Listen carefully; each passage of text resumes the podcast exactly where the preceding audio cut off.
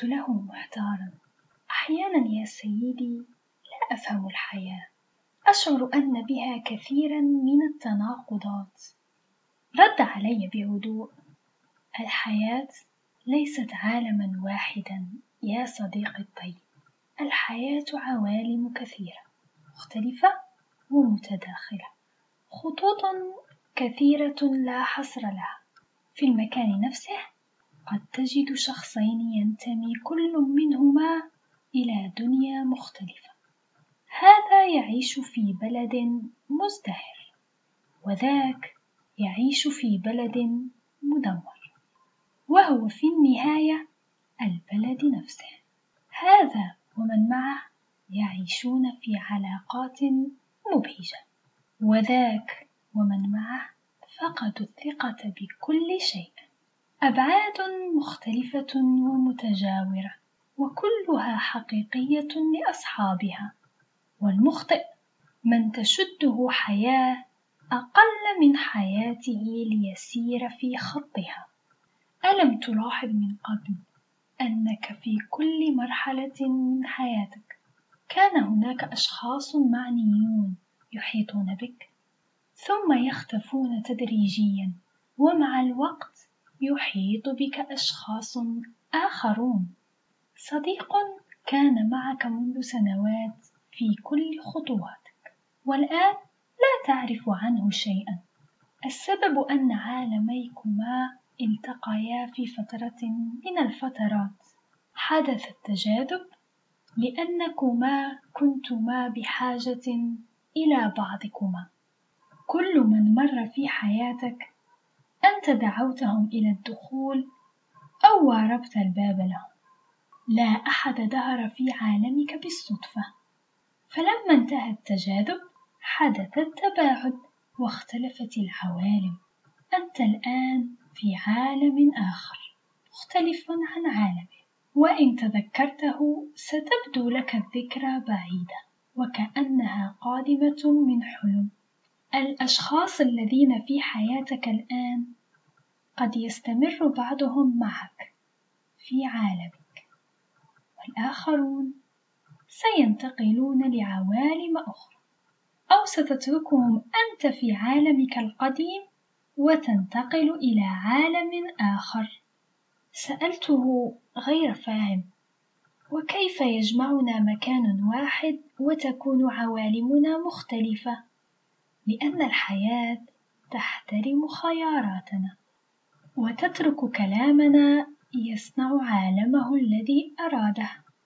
هل تتوقع أن يختار جميع الناس الاختيارات نفسها؟ اختلافهم سيجعلهم يخلقون عوالم مختلفة يعيشون من خلالها تجاربهم الكثيرة.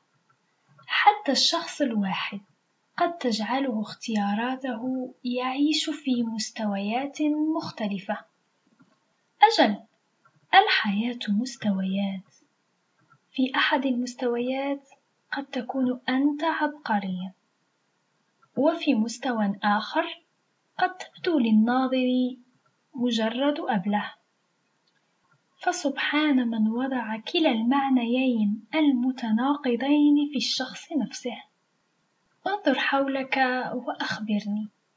كيف يرانا هؤلاء الناس الذين ينتظرون الحافلات؟ لو أتيح لهم أن يستمعوا لفحوى حديثنا. بعضهم سيرتجف قلبه من تأثره بما نقول وسيرغب في ترك حياته ليتبعنا ويستمع إلينا. وبعضهم سيرانا مجرد مجنونين. نقول كلاما ساذجا وغير واقعي. لذلك عندما ترى شخصا مختلفا عنك في أي شيء تقبله. فهذا الاختلاف جزء من الحياة. لا تحاول أن تجعل الجميع مثلك. لا تغضب عندما تجد لديهم آراء وأفكارا ومناهج مختلفة عما لديك. الشخص الذي تسيطر عليه الأنا يجد في ذلك إهانة له ولن يستطيع الصبر عليه. سيسعى إلى مواجهة الاختلاف وقمعه والقضاء عليه. سيرى في ذلك انتصارا لما يؤمن به وسيتمنى لو كان كل الناس صورة أخرى متكررة منه بينما الشخص الذي اقترب من نفسه درجة أو درجتين سيتقبل الاختلاف ويتركه كما هو لأنه يدرك التنوع الذي تقوم عليه الحياة. قد لا يفهم الغرض منه لكنه يتقبله كما هو. أما من عرف نفسه فسيفرح بالاختلاف ويرحب به. ذلك أنه هو والحياة شيء واحد.